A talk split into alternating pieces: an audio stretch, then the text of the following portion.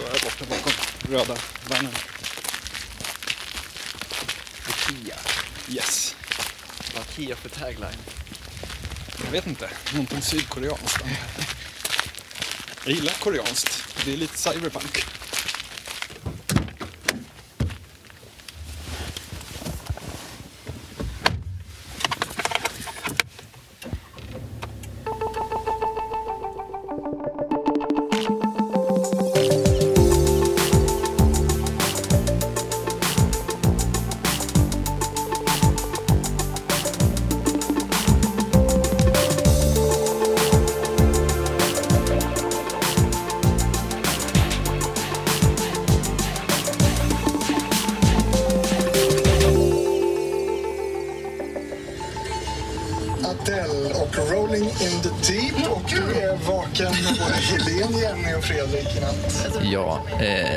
Så att det är alltså Obiter on Wheels på drift.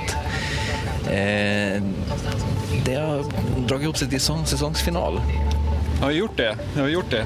Vi sitter i en bil här och klockan är 0.16. Varför gör vi det Tobias?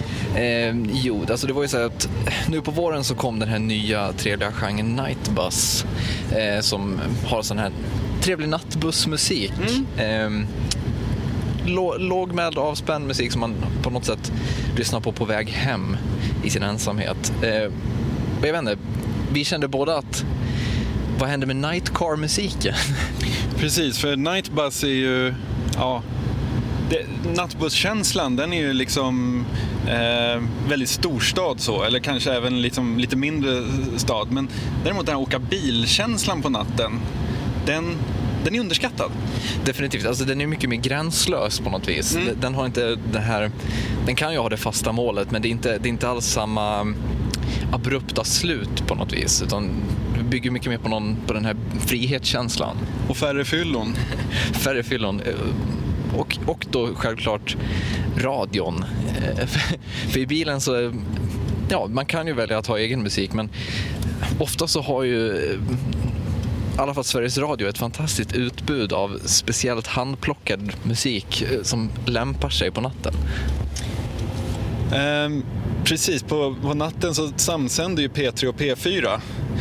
Och det är ju lite, som jag har förstått det, en lite speciell så här, nattgenre som kureras av, eh, eller kurateras heter det väl till och med, av, av Järmen Stenhag, en av eh, eh, musikredaktörerna på, på Sveriges Radio Musik. Det är ju honom även till guden av Nightcar Music. Precis, så vi tänkte så här, vi tar en tur med bilen, vi, ehm, det är mitt i natten, vi eh, lyssnar på vad, vad de har att erbjuda helt enkelt eh, och pratar lite obiterdictum-kanon va? Precis. Eh, vi tänkte att vi ska gå igenom ja, några saker som ligger oss varmt om hjärtat som vi kanske inte har pratat så mycket om i andra avsnitt. Eh, det kommer därmed inte bli särskilt mycket apokalyptiska saker, eller det kanske blir en, i annan utformning än de vi har pratat om. Eh, inget Blade Runner-snack idag. Nej, ingen Blade Runner, Neuromancer och eh, ja, vi, no, några av de här uppenbara har vi ju betat av. va? Så att, eh, det blir inte idag utan vi tänkte lyfta lite på skynket till de andra. Precis. Eh, jag vet inte, ska vi börja med att vi tar en ur kanon direkt? Ja men absolut, vi är ju på väg här norröver så att eh, det är lika bra att köra. Det här är verkligen en nattlåt. Ja, men vad är det som gör att det är det? Det känner du? Ja, men det, det är liksom... Det är lite, lite, lutar lite åt softrock-hållet på, på något sätt. Eh, det, det är ganska, ganska vuxet på något sätt. Väldigt mogen musik va? Ja, ja, mogen och trygg. Den här jättefin refräng.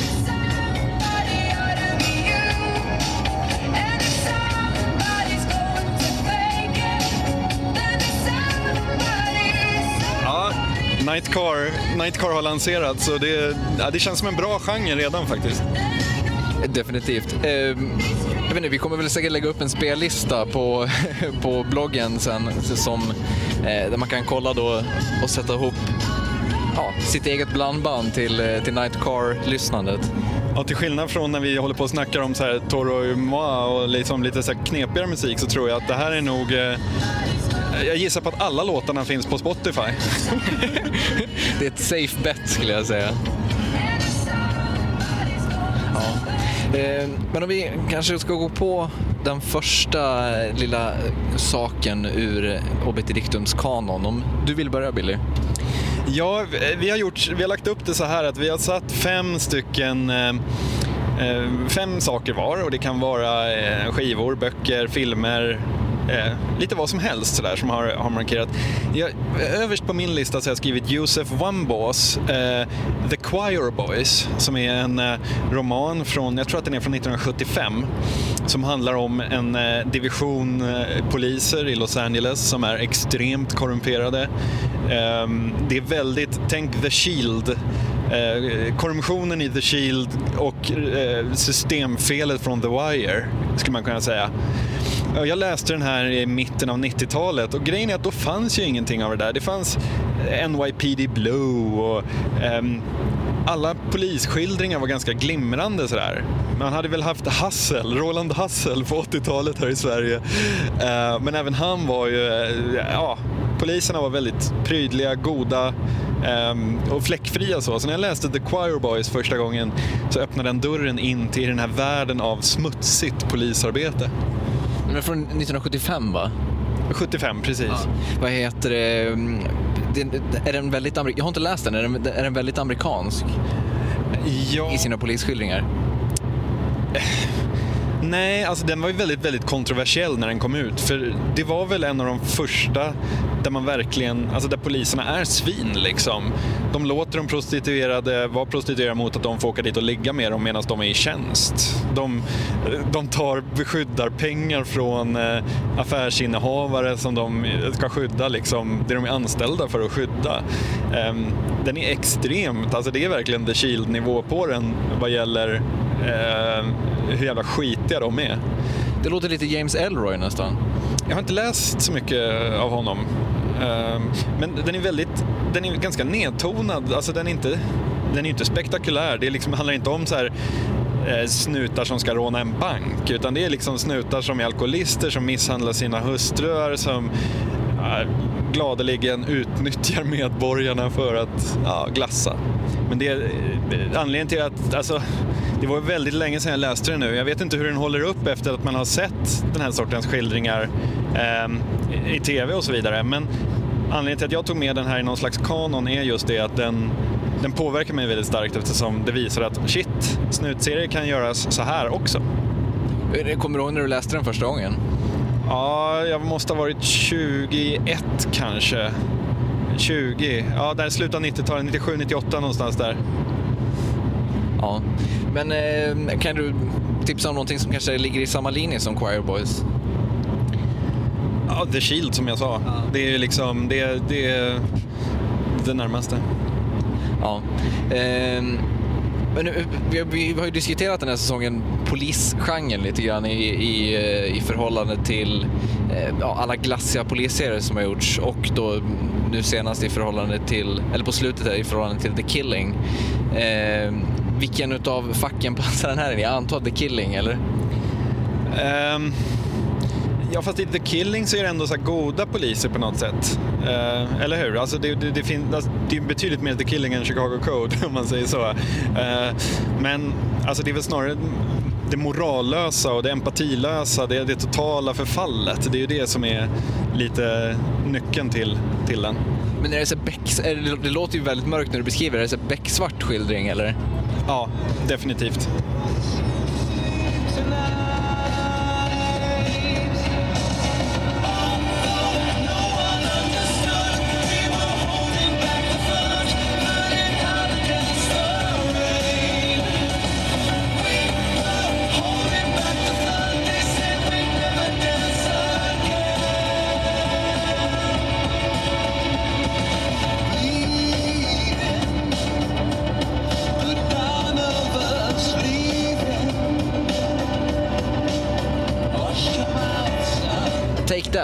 Hur funkar det som night music? Skitbra skulle jag säga. Ja, jag, jag, håller, jag är benägen att hålla med. Eh, trots att det är en samtida låt så har den ja, men de här trygga vuxenkvaliteterna som vi nämnde.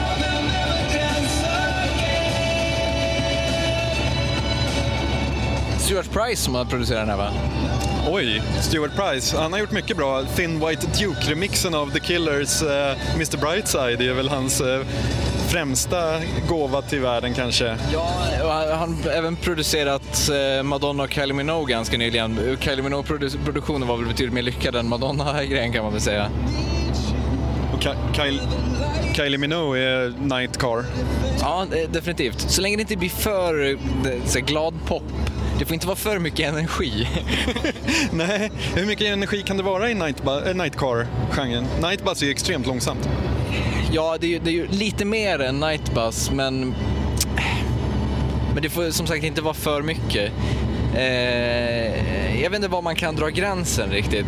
V vad ska vi säga? Eh, vad heter den? Men at Work, Land of an Under. Det, det känns som att där börjar gränsen gå ungefär.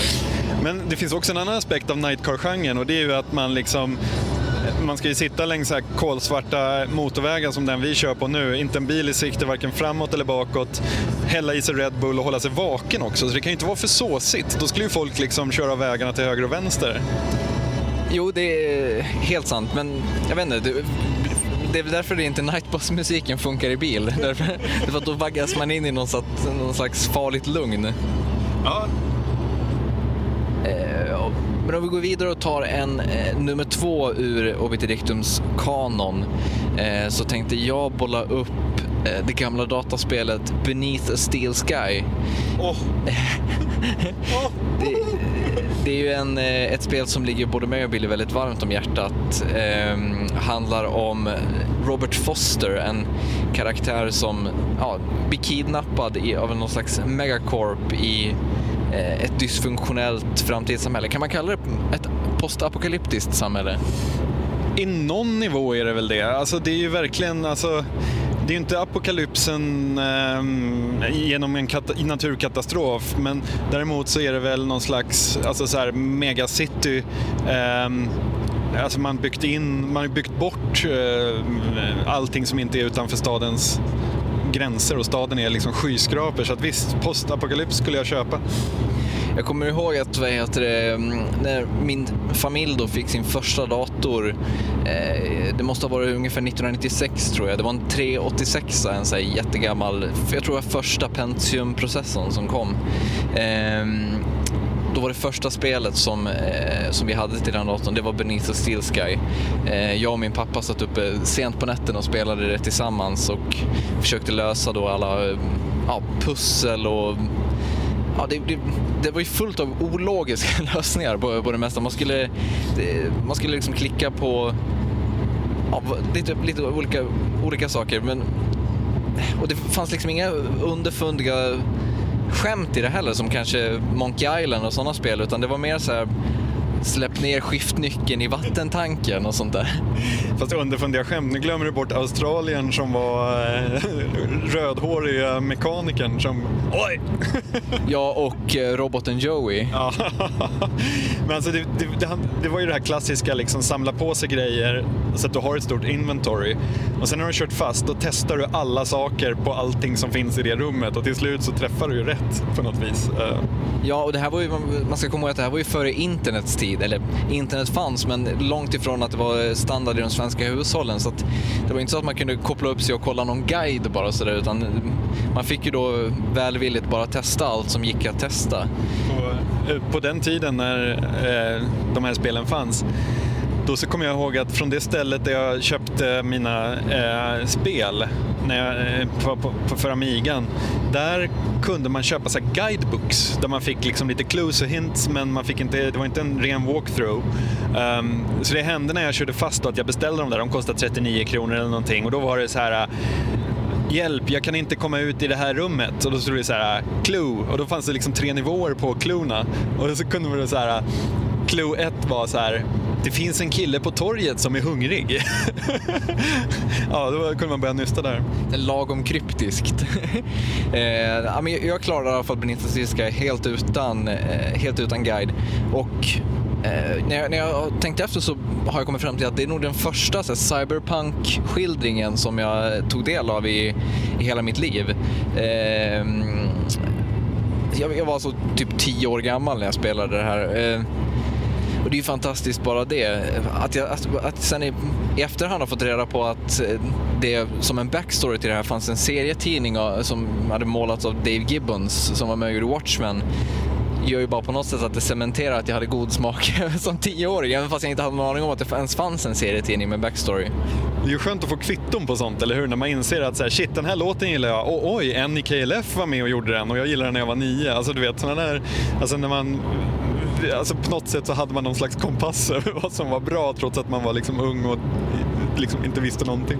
Retroaktivt god smak på något sätt. Ja. Eh, den här backstoryn då, den handlar ju om Robert Foster som kraschar med ett skepp i The Outback som kallas då The Gap i, i, i serien. Ehm, och han tas som hand då av aboriginer och föds upp så att det utspelar sig mycket riktigt i Australien. Ehm, jag kommer inte, faktiskt tyvärr inte ihåg vad den här staden heter som han blir kidnappad och tagen till sen. Men den ska ju då föreställa, har det bekräftats långt senare, någon slags eh, megacity-utveckling av Sydney. Ah, jag förstår. Undrar om den inte bara heter så här, mm, alltså, heter den inte bara så här Megacity eller något sånt? Ah, det låter vara osagt. Någonting sånt. Och du har ju döpt din blogg till Beneath the Steel Sky. Mm. Alltså, Beneath the Steel Sky fick ju en revival när den portades till både Mac och PC och sen har kommit som iPhone-spel. Um, men jag döpte min blogg till det för att det var så fantastiskt vackert, vacker titel, alltså Beneath a Steel Sky. I de orden så ligger det väldigt Um, alltså spelet är ju ganska lättsamt, det finns många comic reliefs, men i de orden, Beneath a Steel Sky, det säger allt om den stämning jag vill ha på min, ville ha på min blogg. Och som jag kanske uppnått, jag vet inte. Det är ju en, det är en titel som nästan helt förkroppsligar cyberpunk-idealet eh, utan att vara liksom implicit överhuvudtaget. Det är ju väldigt explicit men fortfarande väldigt poetiskt.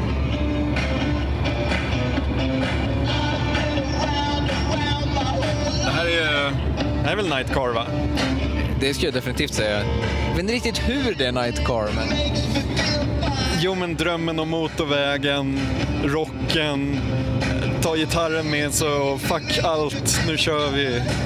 Det är någon slags lite så här halvmesyrversion av Steppenwolfs Born to be Wild.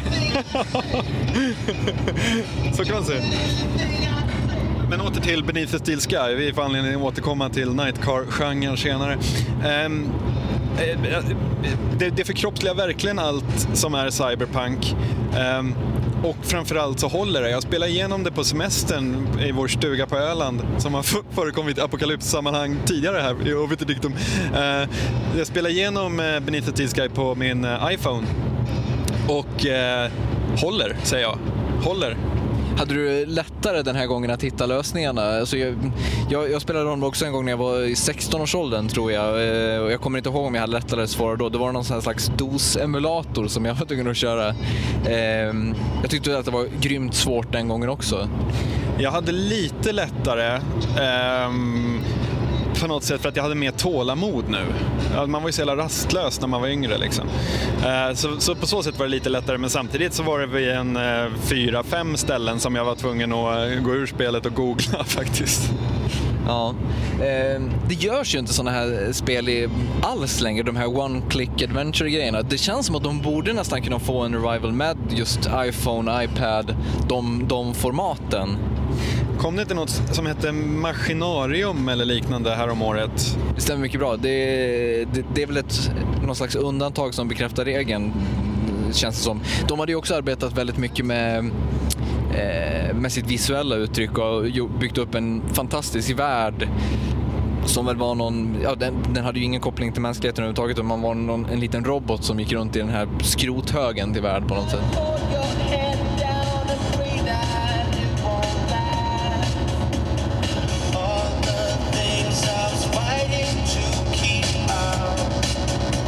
Finns det ändå den här Nightcar-tonen.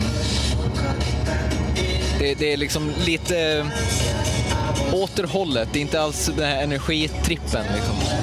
Det ska lunka på i runt 120 bpm och ha ett stråk av melankoli i sig, kan man säga så? Definitivt. Eh, utan att bli för melankoliskt eller allvarligt. Det får inte handla om sorg, det får inte bli Eric Claptons Tears in Heaven liksom. Nej, och det här är också någonting som eh, man inte somnar till. Eh, det, är inte så såsigt utan det är snarare så här luta sig tillbaka, lägga armen över ratten, åka förbi lite långtradare som vi snart gör här nu. Det är de enda som är ute på vägarna ikväll och vi... Vi åkte precis förbi det första döda djuret för natten också. En eh, överkörd eh, liten räv som låg vid vägrenen. Det, det tillhör eh, sceneriet ändå. kanske ska sta- stanna på ett Checkers också och käka nattmat. Det, det är ju sådana här lägen man önskar att vi hade mer dinerkultur i Sverige. För det, det är på något sätt det som gör USA till eh, ja, de, de öppna vägarnas drömland på något sätt.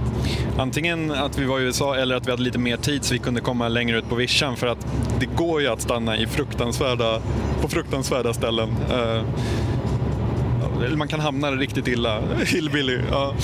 Men, men, diners, amerikanska diners, de har ju inte det, det här liksom riktigt fullödiga hillbilly-grejen heller, utan de är ju snarare civilisationens vattenhål ute på vischan på något sätt. alltså det kan ändå stanna eh, så här, vettiga människor på en diner. Det känns som att om du hänger en vecka på en diner så kan du hitta de absolut mest fantastiska historier som du någonsin har hört. Det tror jag också, absolut. Eh, har det gjorts någonting sånt? Eh, i, i, känner du till någon film eller? Eh, nja, det, vi har ju den här... Uh, åh, Interstate 60. Det var precis Interstate 60 jag, jag tänkte på. Jo. Eh, Den filmen, eh, filmen Interstate 60 som handlar om en kille som gör en resa genom USA. Han stannar ju på en del diners. Mm. Och det är väldigt speciella människor han träffar på där också eftersom det är en interstate som ja, inte finns på några kartor. Liksom. Nej, mycket konstiga platser han hamnar på. Men det är annars en briljant bok. Stories from the American Diner eller, eller någonting sånt. Eh, det känns som att det är ett, ett oprövat grepp. Eller det säger jag, det kanske finns en hel bokserie. eh, annars så är det helt klart någonting som någon borde göra. I, den stora amerikanska berättelsen så vore det ju nästan tjänstefel att inte ha med eh, dinern. Fast den har i och för sig fått spela ganska stor roll i, eh, vad heter den filmen? Är det Romeo is bleeding där eh, ehm, Gary Oldman driver en, eh, en diner ute i öknen där han har bestämt träff med sin eh, käresta Det stämmer bra. på ett visst datum. Den är väldigt sorglig. Väldigt... Ja, men, men annars så spelar ju oftast dinern, vad ska vi säga, andra fiolen. Den, den, den är, ju, är ju mer bara någon slags anonym plats. Eh, som, en, som vilken restaurang som helst oftast. Och det är väl, den är väl väldigt tacksam till det eftersom att den finns över hela USA och är väldigt anonym i sin, i sin framtoning röda vinylsäten och lätt sur eh, personal. Och det får gärna vara öde och det sitter bara en person där när man kommer in. Åh, eh, ett Millennium-avsnitt, ett Halloween-avsnitt av eh, serien Millennium. När Frank Black kommer in på en diner. Och hela- avsnittet utspelar sig av att det sitter tre demoner på en diner och sitter och pratar om alla djävulstyg de har gjort i världen. Och jag tror Frank Black Som är pensionärer va? De är pensionerade demoner ja, och sitter och minns. Jag har för mig att de bara sitter där och pratar och sen i slutet av avsnittet kommer Frank Black in för att hämta middag. Är det inte så? Och, och han ser dem för vad de är. Ja, det är, det, är, det är ett bra sätt att använda dinern på. Definitivt. Men eh, om vi ska kanske ta nästa eh, del av Obiterdictums kanon. Ja, nästa del. Eh, också en sån här eh, game changer för mig. Eh, kanske det låter som ett konstigt val, men det är Charlotte Perkins Gilman, eh, amerikansk eh, författarinna sent 1800-tal. Hon skrev en novell, eh, 1897 tror jag hon skrev den. Jag Ska låta det vara osagt exakt. Kör du precis som kvällen, nattens första buss här. Tyvärr tom, annars kanske det var en del nightbus på den. Buss 305 någonstans, jag vet inte. Bålsta tror jag. Ja, okej, okej. Ja. Ehm, Charlotte Perkins Gilman, eh, hennes novell The Yellow Wallpaper, eh, som, som kom i slutet av 1800-talet, väldigt viktig för mig. Ehm, för att det är ju... På ytan så är det ju en skräck, någon slags Eh, novell skulle man kunna säga. Ehm, det är också ett av de stora feministiska verken från den tiden. Eh, det, det det handlar om är en kvinna som är inlåst i ett rum, eller hon är inte inlåst, det är hennes man som har tagit henne dit för hon är så sjuk och svag och nu ska hon få en chans här över sommaren att liksom pigga upp sig. Så eh, de har hyrt då den här stora herrgården och hon får vara där inne i rummet för att hon ska vila upp sig. Hon ska inte tänka på någonting. Och det, men problemet är att det här rummet har fruktansvärda gula tapeter vars mönster rör sig. Och eh, hon upplever i alla fall att det rör sig. Och det som är så himla skönt det är att eh, novellen har någon slags så här Dels kan den läsas lite som en skräckis faktiskt för att det är jävligt vidrigt det hon ser från sitt rum. Hon ser saker röra sig nere på gården och han säger du inbillar dig bara. Och det är uppbyggd väldigt mycket så som en Edgar Allan Poe eh, känns det som. Det klassas väl som en eh, gotisk novell har jag för mig också. Ja, det är, absolut, det, den är gotisk. Eh, men, men grejen är att den är också starkt, starkt metaforisk för att alltså, det det handlar om mycket är ju det här att det, det som eh, Alltså det här som rör sig, alltså hon ser ju en kvinna på andra sidan den här eh, gula tapeten. Gula tapeten är formad som ett galler. Eh, hon ser en kvinna där inne som försöker ta sig ut och hon är livrädd för den här kvinnan. Och det är, hon är övertygad om att det är den här kvinnan som, som gör henne galen och sånt där men han vill inte lyssna och så och det handlar ju mycket om det här att hon inte fick vara författare eh, och att det är liksom hennes kreativa jag som hon blir galen av att hon inte får släppa ut. Eh, så det, den har extremt många nivåer i sig. En fantastisk, eh, ja, den, en lysande litterärt verk. Och anledningen till att jag vill sålla den till någon slags obiter dictum-kanon är att när jag läste den så var faktiskt första gången som eh, det var ju, jag, jag pluggade engelska på Stockholms universitet, jag var 20 år, kollade på Star Trek, gillade du vet Sylvester Stallones eh, Cobra. ja, precis. Cobra. Definitivt. Och Demolition Man var väl samtida. Men när jag läste den där så insåg jag att så här, shit, klassisk litteratur jag hade aldrig läst den om det inte var en, var en, varit en skoluppgift. Men jag insåg att så här, shit, klassisk litteratur innehåller historier med sånt djup och liksom som, som, kräver att man tänker på dem och som har de tolv apornas armévändning i slutet och så vidare. Eh, så det fick mig att kastas in i ett årslångt läsande av, eh, av riktiga klassiker helt enkelt. Eller inte bara, alltså, inte bara klassiker utan även så här obskyrare grejer då som, som den här väl ändå är även fast den också är en klassiker i sin genre. Jag har faktiskt aldrig läst den här. Den heter The Yellow... Wallpaper. The Yellow Wallpaper. Jag har faktiskt aldrig läst den. Jag har varit nära att läsa den flera gånger. Eh, men det har inte blivit av riktigt. Men den är väl skriven eh, också som ett, vad ska vi säga, någon slags sammanbrott skildrad ur första person på något sätt. Eh, och det känns också så, nästan så sjukt postmodernt. Eh, trots att den är skriven i slutet av 1800-talet. Ja, eh, verkligen. Alltså den är ju den har väldigt många lager i sig så att säga. Precis som så här, tapeten har väldigt många lager i sig så har eh, historien det.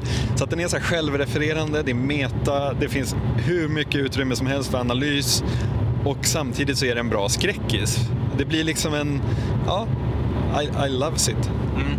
Jag, tänker på, jag kommer att tänka på de här eh, texterna i Fight Club. Eh, de här artiklarna de hittar om de här skadade organen som är skrivna i första, första person de också. Eh, det är, de används ju på ett helt annat sätt men det är jag vet inte, man, man, man gillar ju sjukhusskildringar ur första person, där, där det är personen som skildras som är sjuk på något sätt. Eh, jag tänker på eh, Samuel Beckett har ju den här Molloy-trilogin eh, som delvis utspelas på ett sjukhus som också är mycket bra, som handlar, handlar om eh, på ett mycket mer explicit postmodernt sätt om hur en människa i princip löses upp i texten genom att sitta på ett sjukhus. Liksom. Ja, faktum är det, det, det, roliga med, det får man väl erkänna nu, vi, eh, vi jag har en kompis som har jobbat mycket med scenografi och gjort ganska avancerade, redan i ung ålder så gjorde han ganska avancerade eh, arrangemang för teaterscener. Och The Yellow Wallpaper är ju lite speciell så tillvida att det bara är två karaktärer i den. Det är hon och hennes man. Ja, det kommer en läkare också som han ringer, men, men det skulle gå att göra en väldigt billig eh, billig eh, teateruppsättning av den. Så faktum är att vi började jobba på det där, vad kan vi ha varit, 24, kanske 23, 24. Och eh, han gjorde en extremt sofistikerad eh, uppsättning för hur LED-displayer skulle då visa de här gula tapeterna och hur man verkligen skulle få dem eh, i livet. Vilket hade blivit helt fantastiskt om vi hade rott det i hamn. Men det föll väl på att jag skulle skriva någon slags manus utifrån Charles Perkin Gilmans roman, eller novell och eh, ehm, kan väl säga så här att man kanske inte ska kasta sig in och försöka skriva ett stort teaterstycke bara på ren hybris när man är 23, även fast jag gärna hade lyckats med det. Ja, vad heter det? Vi, vi är inte på väg mot Uppsala nu, vi har kört förbi Enköping, så jag vet inte var vi är på väg. Någonstans i Sverige. Ja, eller hur? Norrköping 16 mil, ska vi satsa på det? 16 mil? Ja, nej, det är är lite långt. Vi får se vad nästa stad blir. Här har vi nattklubb. Ja, vi stannat här vid eh, Max i, utanför Enköping. Och det här är väl Night, night Car, så det heter duga va? Ja, alltså soul funkar ju bra om det inte blir för... Vad ska vi säga? Det får inte bli för mycket Motown på något sätt. Nej, inte det här riktiga stompet. Nej, inte River Deep Mountain High. Nej, det här är precis rätt gung känner jag. Men eh, tror du, det, på, på Max här så är det helt tomt förutom lokala eh, lokala moppegänget. Fyra pers, eh, tatueringar, rockabilly, frisyrer. Ska vi våga oss... Vågar vi gå in där eller bärsa Ja, där? vi, vi provar.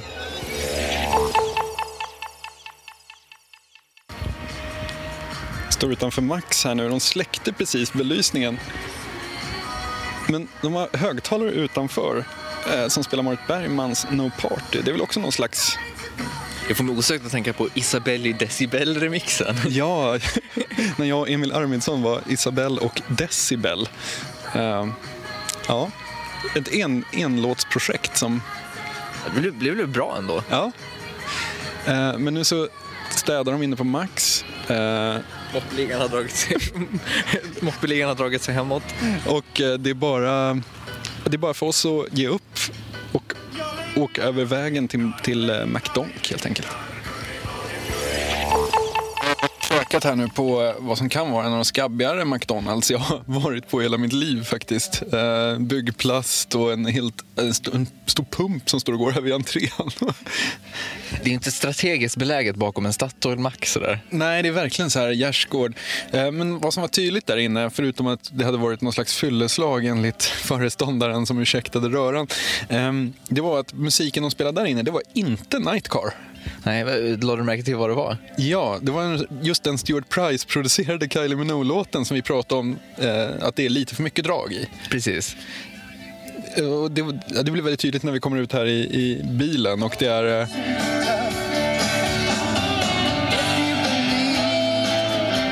det här är ju Nightcar. Ja, precis lagom mycket vemod, lagom mycket melankoli. Ja, men då kör vi helt enkelt.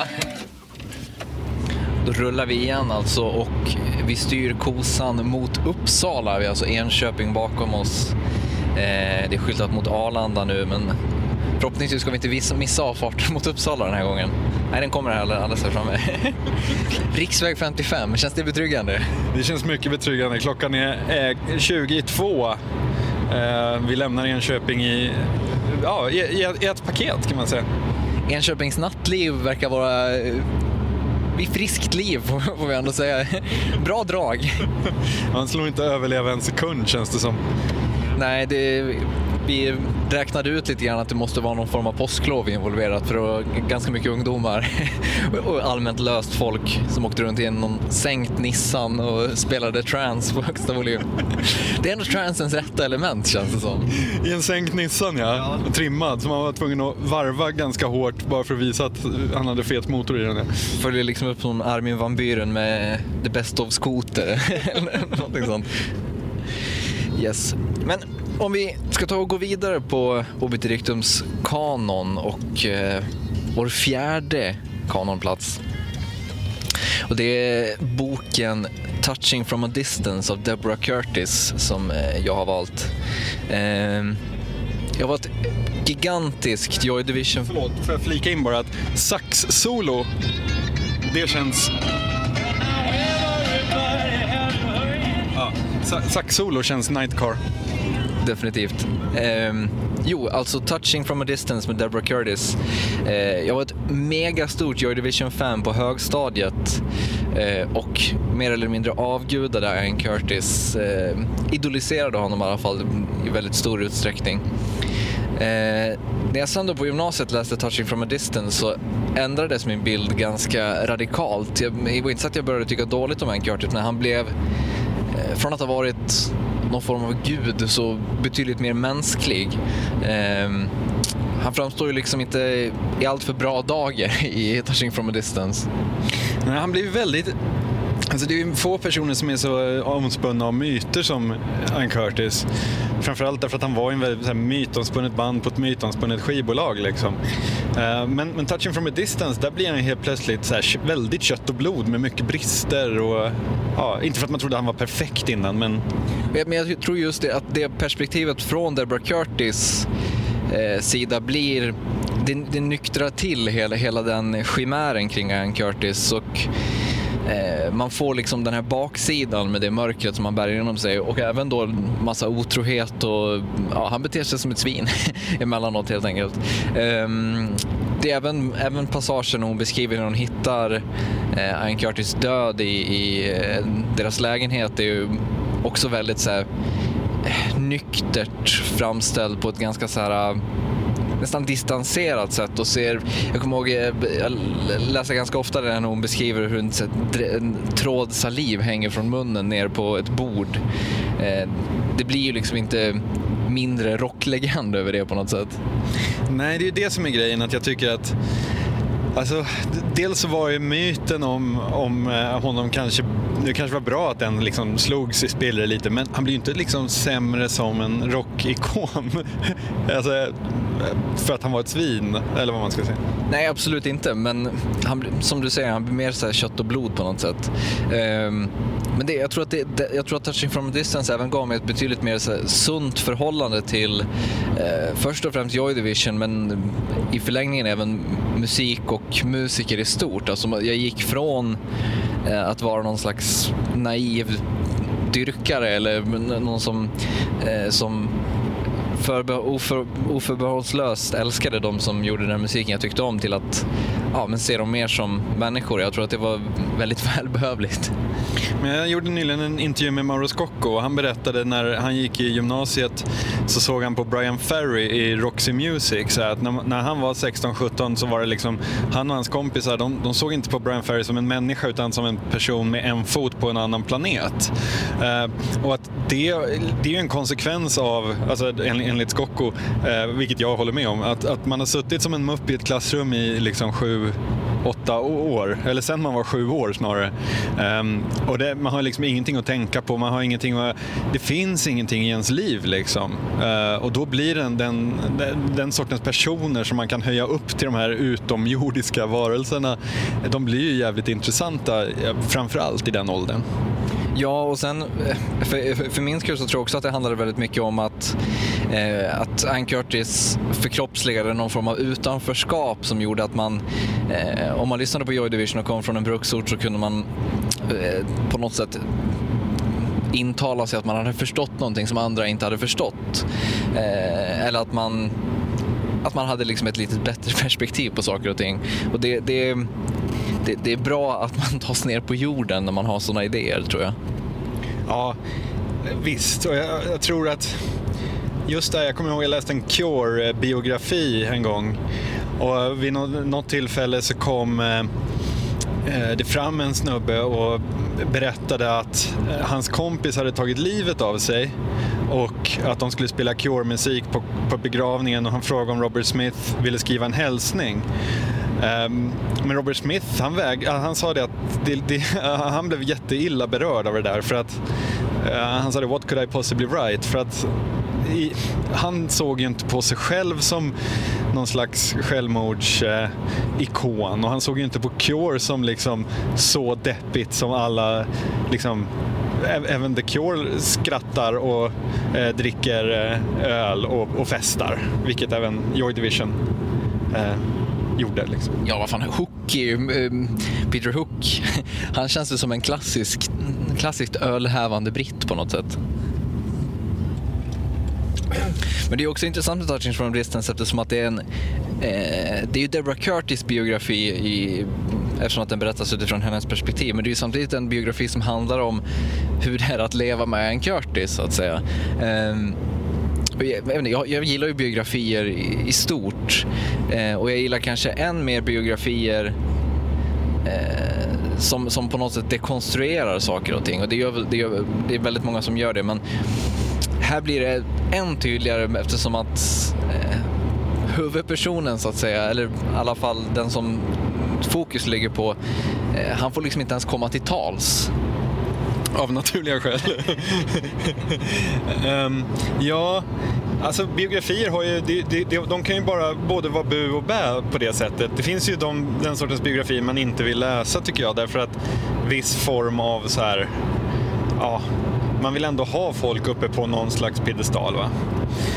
Um, men just med de här personerna som han, man, när man växte upp så funderar man så här, hur kan man vara så här cool? Jag tänker kraftverk var sådana för mig också. Hur alltså, existerar dessa människor? Va? Uh, och då tycker jag att det är väldigt befriande att läsa biografier om att så här, ja men de, alltså just kraftverk, um, det var inte så att de bara låg ute på sina landsvägscyklar och, eller satt i Kling Klang-studion. Och det är klart att de var så coola som man tycker att de är. Men de hade också så här, ja, vanliga liv liksom. Ja, det har, det har ju de flesta. Ehm, men Joy Division då? Nightcar? Inte Nightcar skulle jag säga. Kanske typ Nej men det berör lite för hårt, alltså isolation eller något sånt här. Alltså det blir... Love Will Tear Us Apart eh, skulle jag kunna klassa som Nightcar. Um, men uh, jag tycker att det är lite för så här... Jag skulle jättegärna lyssna på Joy Division i bilen på natten. Men jag tycker inte att det ingår i Nightcar-genren. Nej, eh, New Order då? Det känns som att de kan kvala in lite bättre kanske? Ja, det, det håller jag definitivt med om.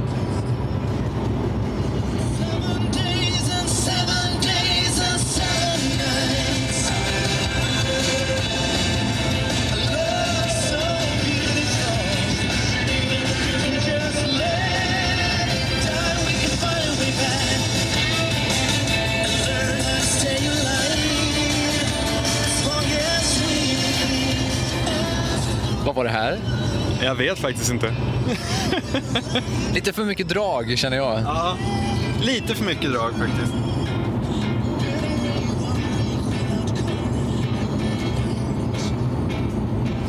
Men nu när vi sitter här i bilen på väg mot Uppsala. Eh, road movien är ju en klassisk eh, filmberättarformen då det finns ju otaliga klassiker, men har du så instinktivt, är det någon som ligger dig extra varmt om hjärtat? Konvoj med Chris Kristoffersson. Det är väl kanske inte en roadmovie i den traditionella meningen eftersom det ingår väl i roadmoviens koncept att karaktären ska göra någon slags utveckling genom personerna den träffar. Eh, men Konvoj, det är ju bokstavligen en roadmovie eftersom de aldrig lämnar vägen. Den, du hade väl med den din, bland dina guilty pleasures också i guilty pleasures-avsnittet. Så att, eh, du, du, har, du har den nära till hands. Det hade jag glömt bort faktiskt. Då kanske det var en guilty pleasure, men här i natt så känns det inte som det kan jag säga. Jag vet inte, jag har, det finns många bra. Stelma Louise är ju fantastiskt på många sätt. Eh, annars gillar jag en eh, amerikansk independent-film som heter Wrist Cutters, A Love Story, som handlar om eh, ja, någon slags dödsrike dit man kommer efter man har tagit livet av sig. Eh, och det är så här, ja, en väldigt, ett väldigt grått en väldigt grå plats. Eh, man kan inte le när man har kommit dit. Och en anledning till att ingen tar livet av sig är för att de är rädda för att det blir ännu värre om, till nästa ställe man kommer till. Då. Men de i alla fall, det, vad heter det, Eh, eh, huvudpersonen då, han letar efter en tjej som har tagit livet av sig en vecka innan han tog livet av sig och som han vill träffa då. Eh, och bland annat så är, har han med, har med sig två kumpaner då. En kille bland annat som är, eh, jag har för mig att han var ryss, eh, som tog livet av sig genom att slå ut sin Jack and Coke över gitarren när han eh, spelade gitarrsolo och därmed dog den ultimata rockdöden. Och sen då har han även en, en, även en tjej med i sällskapet som eh, letar efter de så kallade PIC, People in Charge, eh, för att hon menar att eh, hon dog av en överdos och hon menar att det var inte ett självmord då eftersom att det var en olyckshändelse. Eh, Tom Waits är med också i en väldigt rolig roll. Ja, det låter, det låter bra, men annars är ju, alltså, det är för övrigt ett helt giltigt skäl att man inte vågar ta livet av sig för det kan bli ännu värre. Jag skulle, det, är, det är en logisk och bra slutsats. Men annars kan man ju väl också tycka ibland att roadmovien eh, lider ibland av samma problem som eh, vi pratade om fantasy här, här om veckan. Just det att de bara går och går. Och roadmovien, eh, man behöver ju verkligen ha ett bra manus för ofta kan jag känna så att karaktärerna kanske inte har någon... Eh, um, ah, jag sympatiserar inte med deras anledning att eh, åka, så att säga. Men en, en road movie, hela Springsteens Born to Run, är väl... Men du gillar inte så att typ, Jim Jarmusch-upplägget? Att man bara driver runt lite grann och träffar massa sköna lirare? Jo, absolut. Det är... Vänta, jag måste, jag måste köra om den här rackaren. Han är väldigt wobblig. Ja.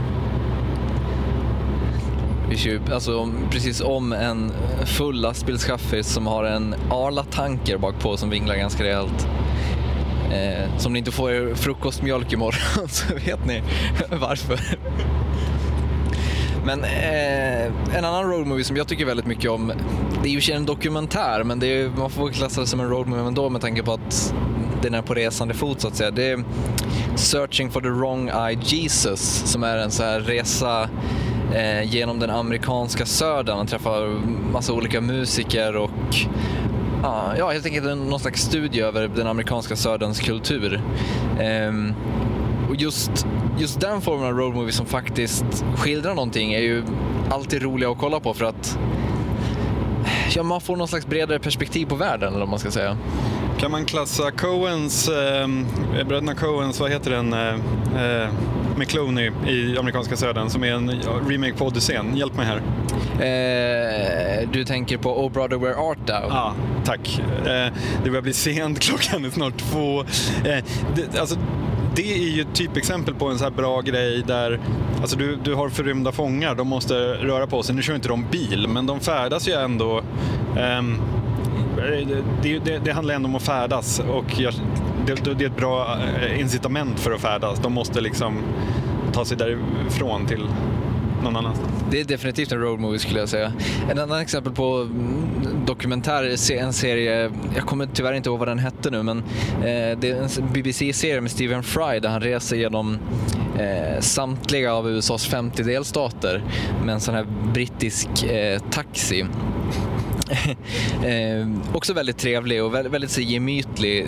Den är, ligger väl någonstans i mellanlandet mellan en dokumentär roadmovie och någon slags reseguide. Men det är väl dags att ta upp nästa objekt att läggas till eh, Obiter Dictums kanon. Och det här objektet är inte så litet. Det är mm, ja, nästan sex mil långt. Eh, Eh, Arthur C. Clarks roman Rendezvous with Rama eh, från, ja, det, vad är det, slut 70-tal. Um, ehm, handlar om en stort cylinderformad objekt uh, som kommer in i vårt solsystem. Um, och det här objektet skickar man upp en crew till, eller man har ordnar en liten expedition då för att undersöka vad i hela friden det här är. Och um, Eh, de, de lyckas docka mer och ta sig ombord. And so it begins. En eh, väldigt, vad ska man säga, eh, på en, å ena sidan så är den episk för det här skeppet det färdas då genom eh, rymden på en planlös, det är, det är ju inga, det är inte befolkat liksom utan det är, syftet är oklart. Lite som Stargate Universe kan man säga, sådär, att det är ett tomt skepp. Um, den boken är, är, gjorde oerhört intryck när jag läste den.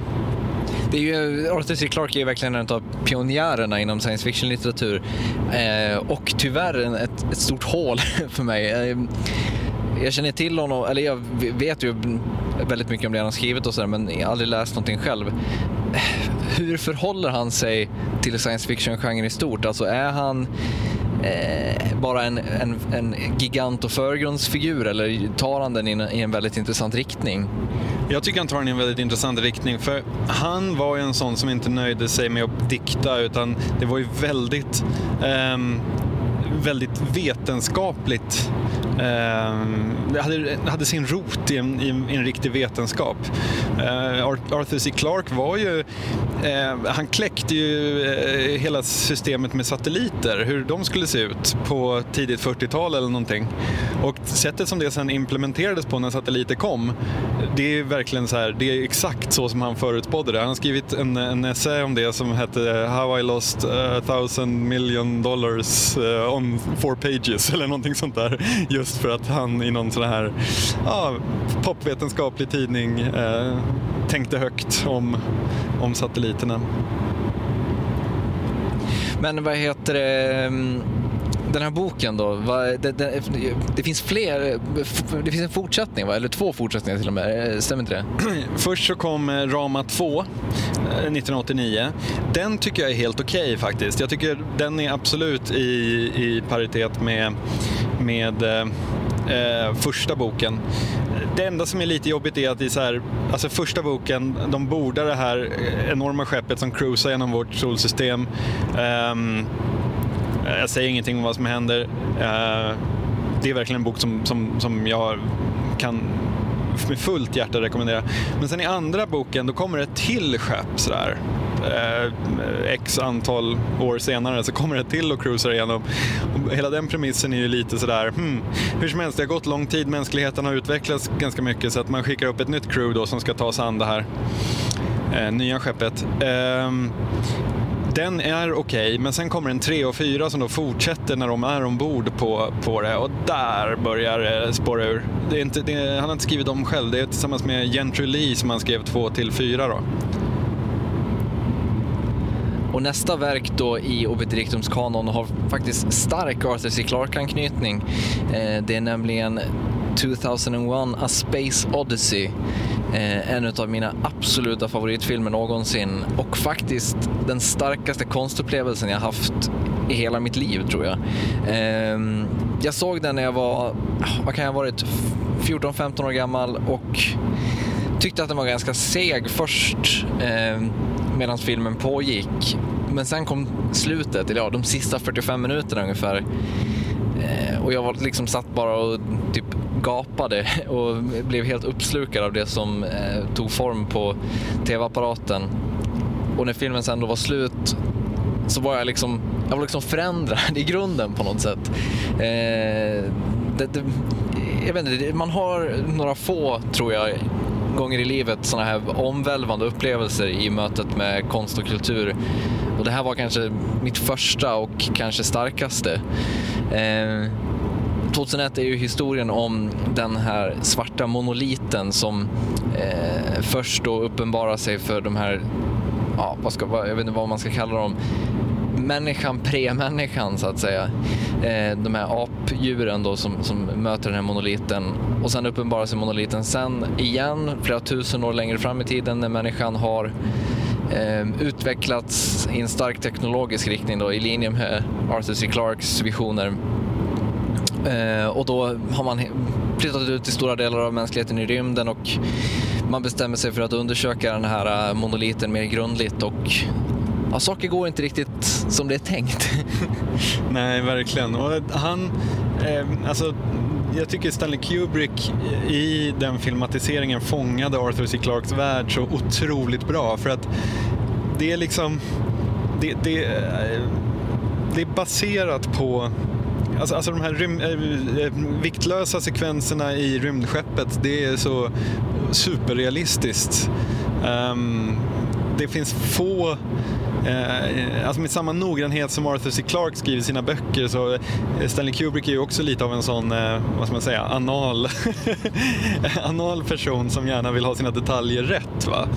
Så att dem emellan, det är ju ett marriage made in heaven. Arthur C. Clarke var ju sjukt nöjd också med, med eh, den filmen. Eh, det är ju även där mitt första möte med en AI, tror jag. Eh, HAL 9000 som ju är Ja, det, det, det, han, det kommer väl alltid vara den, det typexemplet på varför AI kanske inte är en bra idé. Ja, när, du säger hans namn så tänker jag osökt på en rad i Petter, en Petter-låt. Checka bossarnas bossar. Det, är typ, det, det, tycker jag om Hal. Ja, han, men han är ju en tyrann eh, vad ska vi säga, en återhållen tyrann på något sätt. Alltså, han styr ju det där skeppet och det där uppdraget då, på väg till den här monoliten med järnhand med väldigt små medel. han, har, han har sin väldigt eh, lugna röst, han har eh, en väldigt så här, vän framtoning men har ju egentligen då den här rationalismen i, i, i ryggen som, eh, som liksom inte skyr några medel överhuvudtaget. Och det är väl på något sätt eh, där människan ställs emot sin egen, eh, vad ska vi säga, sin egen natur på något sätt. Alltså att, att eh, att, att maskinen här då som är mer rationell och mer logiskt tänkande än den nu så rationella människan, eh, den är beredd att tumma på mycket mer än vad människan är beredd att tumma på. Och sen så finns det ju i den, eh, eh det, jag tycker den filmen kommunicerar ut väldigt bra på ett sätt som kanske boken, det var så länge sedan jag läste boken, oklart om den gjorde det, men i filmen tycker jag att det är väldigt tydligt att människan tror sig vara väldigt sofistikerad, väldigt kunnig, eh, är väldigt säker på sin sak, men har egentligen väldigt liten koll på sin värld. Och det är ett tema som går igenom i Arthur C. Clarks hela, alltså eh, i hans böcker väldigt tydligt. Ehm, men, men jag tror filmen kommunicerar ut det på ännu bättre sätt för att alla är så snygga, de är, har coola uniformer, det är modernistiskt inredda rymdskepp och de har full förtroende för sin dator och så vidare och så vidare. Men nej, så de hade inte så mycket kontroll som de trodde. Det är också, vad heter det, det finns ju en en stark Nietzscheansk eh, anknytning som eh, Stanley Kubrick eh, låter ta form i filmen på ett helt mästerligt sätt. Filmen inleds ju med den episka, utan, utan underdrifter. Eh, alltså sprach Zarathustra av Strauss. Och det är ju även ett av Nietzsches främsta verk, Alltså sprach Zarathustra, som handlar om Zarathustra som beger sig ut i världen. Eh, och den fångar ju på så sätt också eh, den här Nietzscheanska idén om människan som det här, eh, den här moderna människan som eh, en, vad ska vi säga, en, en, eh, en sten i ledet eh, mellan att vara övermänniskan, mellan att vara den här perfekterade varelsen och då det här apstadiet som, som skildras i filmens början. Ehm, och det, det, är på något sätt att människan inte riktigt klarar av att vara den, den perfekta varelsen som, eh, som vi är tänkta att vara, eller vad man ska säga. Hur gammal var du när du såg den första gången? Jag tror, jag, jag tror att jag var 13 eller 14, någonting sånt. Jag tog ju inte alla de nietzscheanska grejerna då kan jag... Okay. Dåligt. Ja. Eh, jag hade inte läst eh, särskilt mycket Nietzsche eh, då, men men det är väl det som också eh, på något sätt kännetecknar en, eh, ett, ett episkt och, och fantastiskt verk, att man ständigt hittar nya saker i det och ständigt eh, hittar nya vägar att utforska. Jag såg den också där någonstans. Eh, jag läste väldigt mycket sci-fi i högstadiet. Så jag borde ha varit 14-15 någonting när jag såg den eftersom det var en av få filmer då, alltså det fanns ju inte hur mycket sci-fi som helst att tillgå där runt början av 90-talet. Man fick ju förlita sig på de här gamla, eh, gamla grejerna. Jag var dock väldigt missnöjd ska jag säga. För att det var en period när typ Terminator 2 hade väl precis kommit kan jag tänka mig och man var in, tyckte, tyckte om datoranimerat och coolt och sånt och jag tyckte den kändes så jävla gammal och mossig. Eh, jag blev inte alls särskilt tagen av den. Det var först när jag såg den, ja du vet 20, 22, 23 um, som jag, då upptäckte jag att oh, det här var en bra film så att säga. Så att jag, jag drabbades inte av den på samma sätt utan jag blev eh, snarare så här, vid en andra koll så fick jag omvärdera den. För den, den, den känns ju eh, utmärkande tidlös på något sätt i, i sättet den porträtterar rymden och rymdskeppen på. på. Alltså, eh, genom eh, geniala och väldigt kreativa lösningar på hur man ska eh, ja, få fram de här effekterna så, så, lyckas den ju på ett utomordentligt bra sätt eh, låta en rymdvärld ta form ändå. Ja, definitivt. Det, så är det ju. Men jag tror att det var tempot framför allt. Alltså den är ju väldigt långsam. Det är ju verkligen en eftertänksam film. Um, och ja... Nej, jag, jag, var inte... Jag tror för mig när vi pratade om Blade Runner i vårt specialavsnitt här förra året så jag för mig jag nämnde att jag såg Blade Runner tidigt och inte var särskilt imponerad av den heller. Så jag tror att jag var, inte, jag var inte sofistikerad nog helt enkelt för att förstå att uppskatta det.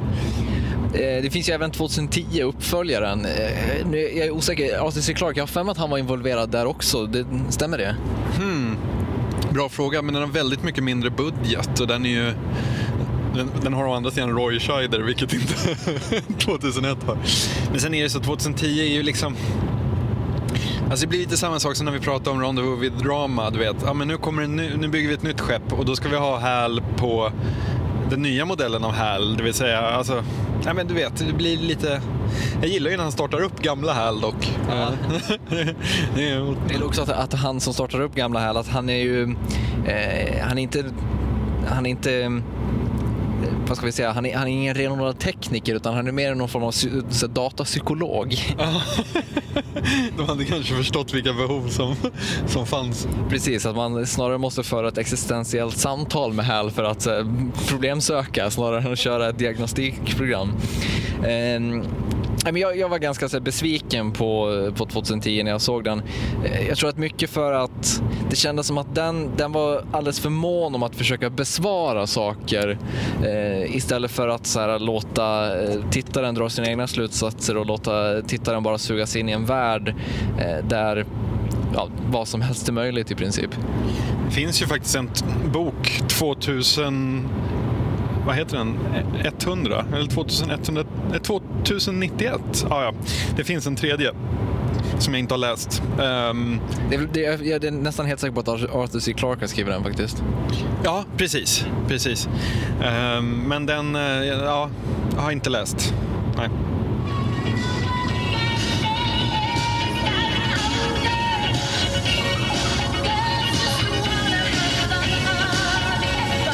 Definitivt Nightcar. definitivt. eh, det, men det är samma sak där. Det, här är det lite glatt eh, och lite, lite uptempo, men det är 80-talsestetiken gör på något sätt att det funkar ändå, eller vad man ska säga. Verkligen. Eh, jag sa att 2001 var en av de mest omvälvande upplevelser av kultur jag någonsin har haft. Eh, jag kommer ihåg när jag läste Röda rummet första gången, en annan typisk sån, eh, sånt ögonblick. Har du några sådana där du verkligen har vad ska vi säga, tappat andan eller omvärderat hela din syn på, på kultur eller på konst eller vad det nu är? Det är klart att man har. Uh, vänta lite, vi ska bara försöka hitta vägen här.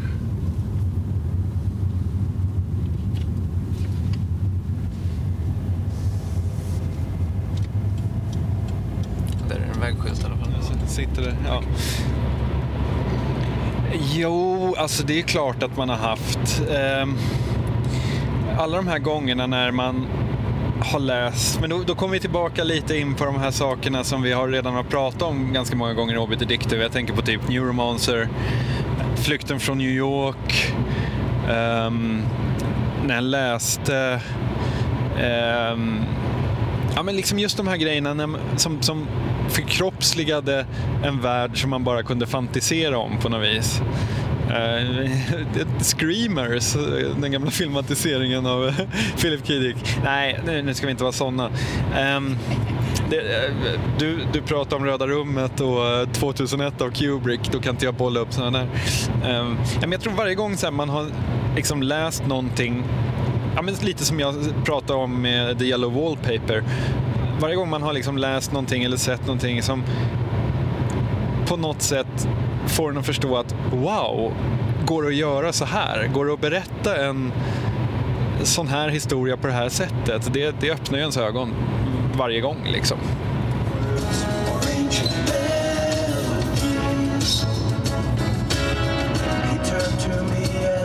say Jag tror vi har hittat eh, moderbossen av Nightcar.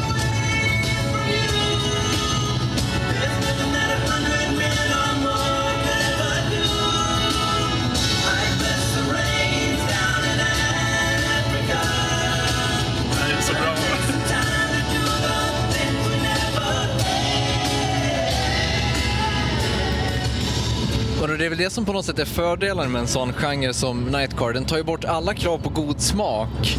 För eftersom att det bara handlar om någon slags stämning. Definitivt. Alltså, det, här, det här är patient zero i min värld av, av Nightcar. Det, det, det, det säger liksom ingenting om artist och det är väldigt så här kontextlös genre kan jag känna. Uh det, måste, det är en funktionell, det är ungefär som så här brukstechno. Att det går, går inte att lyssna på hemma men funkar skitbra på en, på en klubb liksom. Och min sällskap med, med dina exempel så känns det här också lite futtigt. Men nästa grej jag vill peta in på kanon det är faktiskt Bram Stokers Dracula från 1992. Jag har för mig jag har nämnt den vid några tillfällen här i Obiter Dictum, men den är värd att ta upp ändå. För vad den gjorde för mig, det var också så här, när kom den? 92 kom den va? Um, vi skulle gå och se en annan film Frågan är vilken, det är oklart. En annan film som hade premiär samma dag, det kan ha varit någon så här Flykten från Absalom eller någon annan klassisk bortglömd actionrulle. Det var inte Philadelphia eller någon sån. Nej, definitivt inte. Men så var det, vi, det var gamla Filmstaden, det som numera är eh, Systembolaget på Regeringsgatan. Där låg det en Filmstaden, en liten murrig jävla filmstad. Och jag och en snubbe som heter Henry åkte dit. Så var det slut på de biljetterna på filmen vi skulle se. Ehm, men då så sa de vi har till Dracula istället och vi var så här, men fan en kärleksfilm, åh. Ehm, för då var ju liksom ehm, Keanu Reeves, åh! Precis, precis. Eh, Det, det, det var liksom, det kändes som att det var någon här kostymdrama, vilket det var visserligen. Men vad den gjorde med mig, den, it blew me away. För jag trodde att liksom kärleksfilm, jag trodde jag visste hur den såg ut. Uh, Men Bram Stokers Dracula i Coppolas tolkning blev ju någonting så här helt annat. Liksom. Det blev, alltså, till skillnad från boken Dracula, där eh, prins Vlad är ganska han är ju verkligen on där. Man vill ju att här, Wilhelmina Harker ska få sin Jonathan och att det där äckliga snubben från Transylvanien bara ska hållas borta. Eh, I den här så vände han ju på det och gav Dracula någon så här extremt stor sorg. Det finns något så här eh, jobbigt tragiskt i Dracula. Och man känner så här liksom att det är klart att han ska ha Wilhelmina. Han har ju väntat på henne i så här 700 år liksom. Eh, nej, inte riktigt. 500 år. Eh, men det är, det är ganska lång tid att vara odödlig. Eh, så hur han vände och vred på uppfattningen om Dracula och hur han dessutom gjorde det här kärleksdramat till nästan en så här, det är nästan en virusfilm. Alltså det är ju aids, eh, alltså man kan ju läsa den som en aids-referens också, det här med blodet. Liksom. Vad tycker du om den? Jag, jag tycker väldigt mycket om den. Jag är dock inte lika lyrisk som du är. Jag tycker att den har vissa, eh, vissa problem. Eh, Anthony Hopkins som Van Helsing till exempel. Jag, jag, vet inte, jag gillar inte riktigt den karaktären. Exorcism begin! Ja, jag vet inte. Det, det, den, den har sina problem, men det, som någon slags tidspiece är den ju helt fantastisk. Och du har ju till och med fått försvara den i en eh, så kallad nerd rage debate på, i P3 Kultur. Eh, berätta om det. Ja, alltså. Eh, jag hamnade ju... Eh, Teresa Axner på P3 Kultur eh, bashade eh, Bram Stokers Dracula något så fruktansvärt i eh, ett avsnitt. Och jag hade ju varit väldigt lyrisk över Peter Kultur. Jag tyckte det som Tommy Jönsson och Johanna Koljonen och de gjorde var så jävla bra. Och då så twittrade jag att så här, efter, efter bärsningen av Bram Stokers Dracula så skulle jag säga att Peter Kultur är tillbaka på plus minus noll. och det tyckte de var ganska hårt eftersom så här, ja, eh, de tyckte inte att en sån liten förseelse skulle liksom mynna ut i ett så stort poängbortfall. Hur som helst så bjöd de in mig till en Nerd Rage Debate där jag fick battle it out med eh, Therese Axner då om varför det här är en bra film. Jag, jag har för mig att hon kallade det för ett flämt pekoral, stämmer det? Precis, därför att Winona Ryder i rollen som Wilhelmina Harker det, hon gör är att flämta, det håller jag med om. Alltså det fin, den har sina problem. Och, eh, men, men samtidigt så ska man inte glömma bort att som hela liksom Hela filmen är ju gjord med så skugg, eh, skuggspel, dockor, inga så här CGI-grejer utan man ser att det är så gjort dåligt med dockor och pappfigurer och silhuetter, skuggor. Det är ju gjort som liksom en dockteater, en senviktoriansk liksom, ja, ett, eh, allt är lite over the top därför att det, det, reflekterar tillbaka på hur man berättar historier på den tiden den utspelar sig i också. Och du fick även spela ut då triumfkortet The Keanu Reeves Defense. Precis, för jag visste, alltså jag fattade ju då att eh, Teresa eh, eh skulle använda eh, Keanu Reeves som slagträ mot mig. Det hade jag på något sätt eh, det, eh, hon gick på den enkla kan man säga. Hon är en extremt begåvad människa, men, men den enkla gick hon på. Och det hade jag ju förberett mig på. Um, så jag sa det att, eh, men, men om man inte kan eh, diskutera eh, filmer som, just det, argumentet var att, att, att, vi ens sitter och diskuterar den här är helt otroligt eftersom Keanu Reeves är med. Då säger jag om vi inte kan diskutera filmer som bara på grund av att Keanu Reeves är med, eh, då skulle vi inte, exempelvis inte kunna prata om The Matrix. Jag skulle gå så långt att hävda att det är väl en nästan klassisk populärkulturell regel att en film aldrig får bedömas utifrån Keanu Reeves medverkan. Precis, det var ungefär så jag formulerade det. Det kanske var du som gav mig the, Keanu Reeves Defense. Jag kommer inte ihåg, men vi har... Vi snackade ihop oss innan i alla fall. ja, ja. Ehm, jo, men den, den är väl bra, men den är ju också... Idag är ju mega megastor vampyrtrend. Liksom. Eh, Bram Stokers Dracula är, är, ju radikalt annorlunda mot de här nya coola vampyrerna om man säger så. Det är ju en väldigt... Ehm, eh, den klassiska vampyren helt enkelt. Saknar du den eh, i vågen av Twilights och True Bloods och så vidare? Bra fråga. Den nya vågen startade väl kort efter eh, Bram Stokers Dracula när det var, vad heter den, eh, En vampyrs bekännelser va? Med, eller, en vampyrsbekännelse. men den, den, jag skulle hävda lite grann att den den kanske la, la grunden för de här nya vampyrskildringarna men jag skulle ändå eh, säga att den spelar på det här historiska ganska hårt också. Eh, jag skulle säga att Buffy som kanske tog äh, en vampyrs bekännelser i en mer ja vad ska vi kalla det, popriktning eller någonting sånt. Att den, ju, den var kanske den, den som verkligen inledde den här vampyrtrenden. Ja, jag, jag vet inte, jag, på, på, många sätt kan jag känna att vampyren kanske är um, det, vi kanske är klara med den. Svårt att göra den läskig igen. Med ett undantag givetvis. The Passage, romanen som kom här om året. Uh, där vampyrerna eh, vampyrapokalyps är det ju faktiskt, där de är jävligt vidriga. Justin Cronins uh, The Passage alltså. Uh, den ska ju också bli film. Ja. Uh, den kanske drar åt lite mer läskiga hållet då, och, och ja, Edward Cullen kanske inte... för det, det, det, det har ju något, något, blivit något väldigt så åtråvärt med vampyrerna genom True Blood och Twilight-serien. Men det finns ju även i, i Bram Stokers Dracula. Och verkligen, den är ju väldigt erotisk. Eh, eller, och, jag vet inte vad, vad eh, adjektivet på åtrå är, men alltså, det är verkligen det här liksom, ja, hjärtat sliter dem mot varandra och det finns inget stopp därför att åtrån är så stor. Va? Så att visst, det, det, är klart att den är också ganska så, så sexig eller vad man ska säga.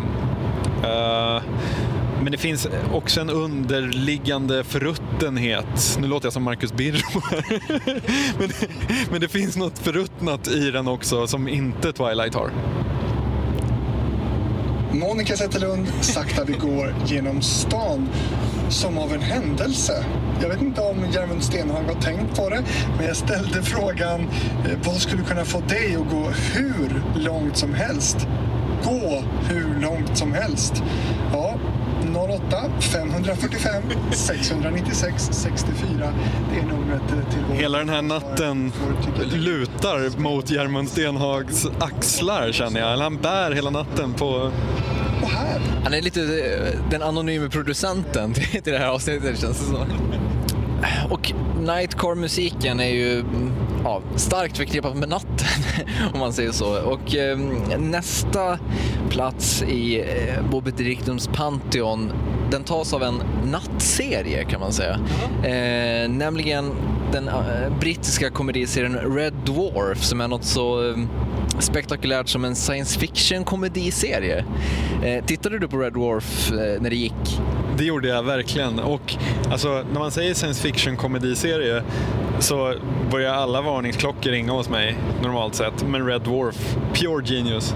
Ja, för att det, när jag såg serien så var det i, då i nedladdat format.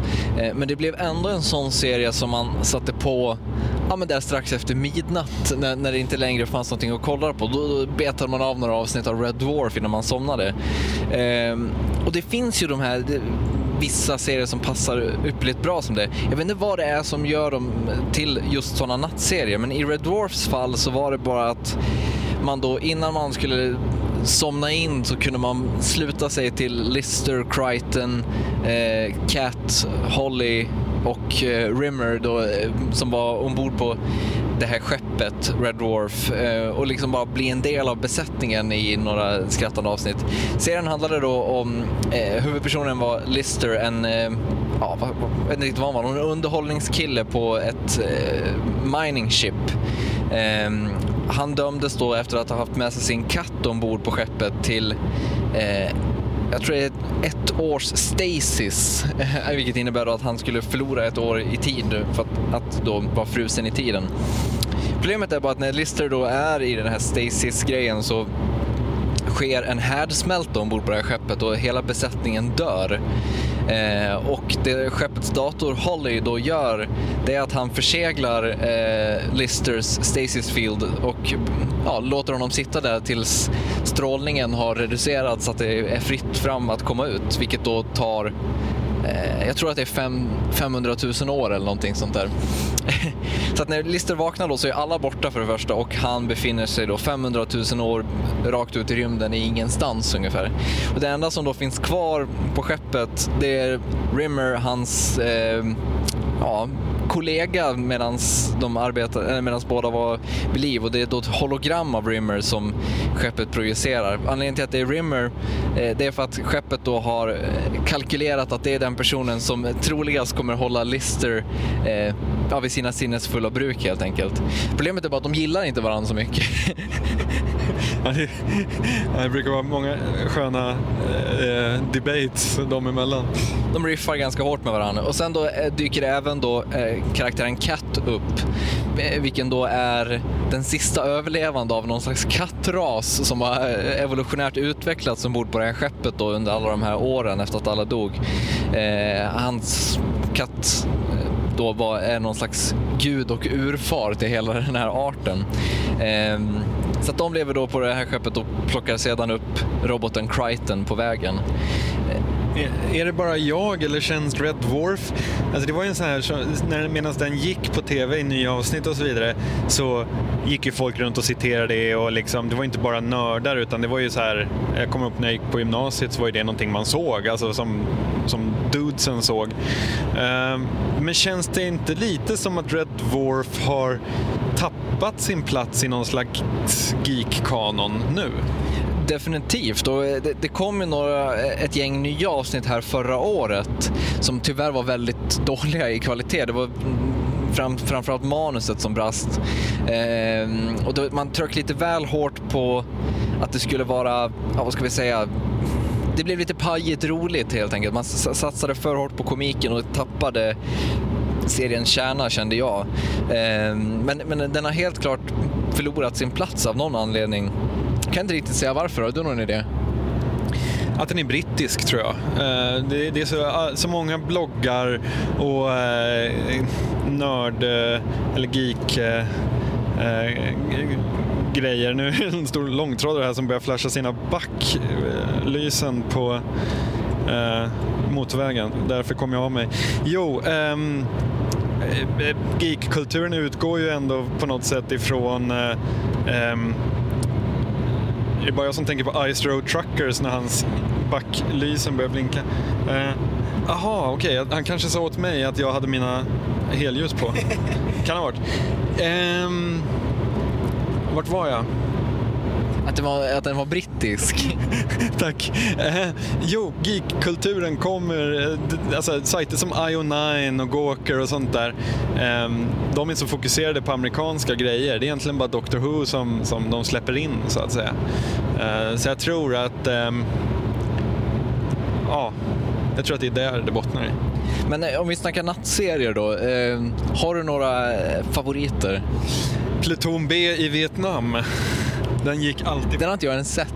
Den gick alltid på natten på kanal 5. Började så här kvart i ett ungefär. Um, inleddes med Painted Black av Rolling Stones. Eh, och det bästa var att den föregicks av original Mission Impossible eh, från 60-talet. Så att Mission Impossible och sen Pluton B i Vietnam, de brukade jag se innan jag kröp ner i sängen. Kvinnofängelset är ju en, en riktig klassiker. Den gick samtidigt på fyran eh, då. Men jag var med i en kanal 5 sådär.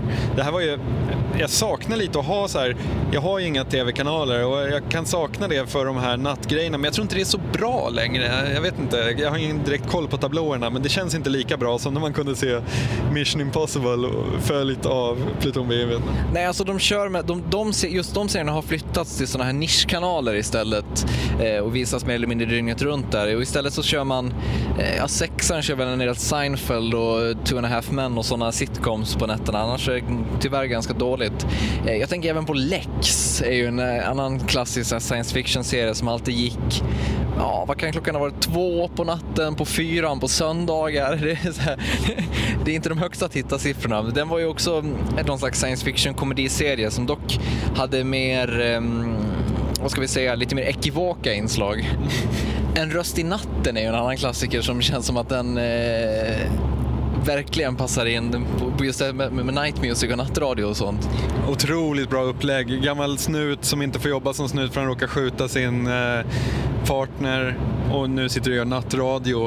Eh, det är bara han och hans tekniker och de som ringer in. Det är fantastiskt upplägg för en serie. Det, men det känns som, nu för tiden känns det som att det inte knappt görs några, eh, några nattserier. Nej. Ehm, Allt är liksom primetime-satsningar på något sätt. ja, jag vet inte. Jag vet inte vad anledningen till det är men men det, det handlar väl också om att förr var, kunde man ha lite min, mer lågbudget. Alltså, vi, vi har ju... Eh, eller lågbudget, jag vet inte. Alltså B i Vietnam var ju ganska påkostad i och för sig. Jag vet inte vad anledningen till det är, men det känns som att tv-serier idag så är det mer så här... De börjar på en jävligt hög växel och sen axar de bara liksom. Ja. Natten börjar eh, sakta gå mot ett slut, eller natten är vi fortfarande ung, hon är bara kvart i tre, men vi börjar komma in på de sista tunga eh, puckarna här och jag slänger upp en tegelsten här, nämligen Neil Stephensons Kryptonomicon. En roman som handlar om eh, Ehm, det handlar det, det är flera separata storylines. En av storylinesen handlar om en eh, eh, division under andra världskriget som eh, har till uppgift att maskera att de allierade har knäckt tyskarnas koder. Så att när de exempelvis har sett att så här, okay, nu ska en ehm, flotta lägga ut från ehm, en hamn i Italien för att inte avslöja då att man har knäckt radiotrafiken så åker den där divisionen dit för att rodda en villa helt enkelt så att det ser ut som att det har bott eh, engelsmän där och spanat ner mot den här hamnen i flera månader och det gör de liksom på några timmar innan de eh, eh läcker ett tips till säkerhetspolisen så att de liksom, polisen ser hur de rafsar ihop saker och flyr därifrån. Eh, handlar mycket om, om kryptering, om, om vilseledande, om desinformation och om att bristen på information också kan vara information. Den, eh, Kryptonomicon innehåller ju många väldigt tekniska beskrivningar. Eh, det finns ju till och med här, några inslag av Perl-kod i, i texten. Hänger du med? Hänger du med allt? För jag gör verkligen inte det. Alltså lite både och får man väl ändå... Var det den? 267? 75? Ja. Alltså ibland så går det över huvudet på en, helt klart. Eh, samtidigt som jag tycker han gör ett väldigt bra jobb i att förklara tankebanorna bakom det. Alltså exempelvis så här Eh, vid något tillfälle så Ehm, de har något hemlig, eh, hemligt kodknäckarhus i Bletchley Park där man, bara, man måste vara väldigt lång för att kunna operera utrustningen. Eller för att använda utrustningen, operate. Det börjar bli sent på natten som sagt. eh, och då så eh, kommer någon på det att, men vänta nu, om även om man inte får reda på någonting annat om stället utan man bara kommer över några slags personalrecords som man ser hur långa de är så kommer liksom de, tyskarna kommer fatta att vi håller på med någon datorgrej här eftersom vi har så många långa anställda. Så man fyller på personalregistren med massa korta. det tycker jag är väldigt fint. Och sen just den här, den här hemliga divisionen den, han, den heter ju eh, Division 2701 eller något sånt där. Och han som sätts in charge för den där, en smart matematiker, han bara, ni är galna, det är ett primtal. Så det, det, fattar de ju direkt att det är någon fuffens med den här divisionen. Så han byter till 2170 eller något sånt där. Eh, han, han ändrar bara en siffra. Varpå han direkt kommer på att, men vänta nu, om den inte har ett primtal, som, det, det, det, kanske börjar ana misstankar då, att vi försöker dölja att det här är någon specialdivision genom att inte ha ett primtal. Eh, väldigt många sådana roliga tankebanor i hur, hur, hur uppfattas eh, information liksom. Men kryptonomikon ses ju som en del av eh, den, vad ska vi säga, någon slags Ja, men vad är det för sorts science fiction egentligen? Eh, skulle du säga att det är någon slags low-tech cyberpunk eller vad, vad, nej? Alltså, jag ställer mig tveksamt om det ens är science fiction. Jag skulle säga alltså äh... Hela det här nutidsspåret i historien, det, det är ändå ganska SF, tycker jag i alla fall. Ja, fast eh, precis. Det är flera olika trådar då och i en av trådarna så är det en liten eh, en internet-startup som eh, åker till Singapore eller Malaysia tror jag att det är ehm, för att fixa funding och även göra en del andra saker. Ehm, men alltså de håller på och bygger en, så här, en, en datatomb för supersäkert eh, eh, storande av data. Jag vet inte, det, det, är inte science fiction på så här supernivå i alla fall. Alltså det är ju, ja, jag vet inte. Tycker du? Nej, det, jag förstår vad du menar. Det, det är ju mer fokus på någon, någon slags eh, informationsteknologi i mer teknisk bemärkelse eller någonting sånt snarare än, än någon, någon alternerad värld eller vad man ska säga. Men väldigt, väldigt bra bok. Ja, man får inte glömma, nu sitter vi och så här pratar om de, alla de här coola, coola detaljerna och tekniken och sånt där. Men man får inte glömma att det är en väldigt bra story i botten också. Liksom. Det är, ja, men det känns som det är en sån bok som det måste ha tagit eh, Neil Stevenson sjukt lång tid att skriva den. Men jag tror att det tar Neil Stevenson sjukt lång tid att skriva alla hans böcker. För jag menar, efter den så gav han sig in på den här The Baroque Cycle som handlar om, om eh, Newton, Isaac Newton och sånt på, på eh, 1700-talet. Eh, där väldigt många teman faktiskt från just Kryptonomicon dyker upp. Eh, eh, även i The Royal Society på 1700-talet. Men eh, han skrev väl även vad heter Snowblind? Ja. Eh, den har jag tyvärr inte läst. Hur förhåller den sig till eh, till exempel Kryptonomicon? Eh, Snow Crash är ju... Snow Crash, eh, Snow Crash ja. eh, det är ju alltså Neuromancer på LSD i princip. Alltså det är ju en väldigt tydlig cyberpunk, virtuell värld. Ehm, den är cyberpunk hade in, han hade inte, det är hans mest hyllade bok, men han hade inte riktigt hittat sitt eget, sin eget eh, språk, eller språk, men infallsvinkeln. Kryptonomikon är hans första sådär verk där man verkligen känner att oj, vad det här är Neil Stevenson. Liksom. Jag känner att vi kanske inte ger så här eh, Kryptonomicon riktigt den rättvisa behandlingen som den förtjänar. Men ja, eh, vi är lite möra i huvudet nu efter att ha varit ute på vår roadtrip. Vi är tillbaka i, eh, i är vi Akalla, Kista har vi lyckats ta oss till. Kista ja. Eh, men vi, jag tror att vi får anledning att återkomma till Kryptonomicon i ett eller annat skeende här i obitidictum. Men om, alltså, storleken på den kan verka avskräckande för den är på 800 tappra sidor i pocket.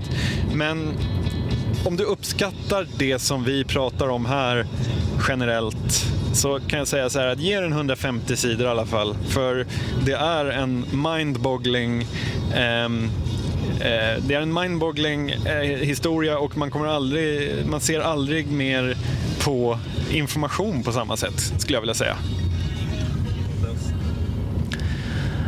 Ja, resan här går, börjar gå mot sitt slut, men eh, innan det är dags att sätta punkt så ska vi ta den sista delen i Obiter kanon och eh, vi fortsätter på litteraturspåret eh, om än några år tidigare än Kryptonomicon, nämligen Virginia Woolfs Orlando. Eh, jag pratade om 2001 som en av de här omvälvande upplevelserna. Orlando var inte riktigt lika omvälvande, men det är däremot en bok som jag eh, har burit med mig väldigt mycket och som har fått mig att tänka väldigt mycket. Den berättar alltså historien om eh, karaktären Orlando som eh, bestämmer sig i eh, ganska ung ålder, i 20-årsåldern, att eh, han inte ska åldras mer. Eh, och fortsätter efter det att leva ett liv i ungefär 300 år fram tills boken slutar. Eh, jag får mig att det är 1918 som eh, även då Virginia Woolf gav ut den. Ehm, till råga på allt så väljer, eller väljer Orlando ungefär halvvägs genom boken så byter han kön till hon genom en metamorfos. Eh, han vaknar helt enkelt upp en dag och eh, märker att han är kvinna. Eh, eh, han är fortfarande samma person, eller snarare hon är fortfarande samma person, samma psyke, samma tankar, samma minnen, eh, men helt enkelt ett annat, av ett annat kön. Eh, det är ju en, en bok som helt klart eh, är någon slags, eller behandlas som någon slags förgrundsverk till många queer-teorier och så vidare. Den, den, tar i alla fall på ett väldigt smart och eh, genomtänkt sätt upp konstruktioner av kön utan att göra det på ett särskilt explicit sätt. Och det, jag, jag, jag har funderat och tänkt väldigt mycket på vad det innebär att vara en människa eh, sen jag läste Orlando och har läst om den flera gånger. Eh, idag har jag ju ett mycket mer, vad ska vi säga, genomarbetat förhållande till Virginia Woolf. Vi har ju umgåtts på nästan daglig basis under en lång tid när jag skrev om henne i akademiska sammanhang. Men, eh, och jag inser väl idag att, det kan, att Orlando kanske inte är hennes mest intressanta verk, men det är ändå ett, ett verk som inbjuder till läsning på ett sätt som eh, är väldigt fascinerande och som eh, väcker väldigt mycket tankar om eh, mänsklighet. Har du läst Orlando? Det har jag inte gjort. Det blir bakläxa på det. om, jag, om jag läser Arthur C. Clarke så, mm. så kan du läsa Orlando. Definitivt, och det, det, kan bli intressant att återkomma till också. jag, jag, jag har ju inte så mycket att tillägga till Orlando då eftersom jag är obildad djävul. Men man gillar ju ändå böcker som utspelar sig under väldigt lång tid. Mm.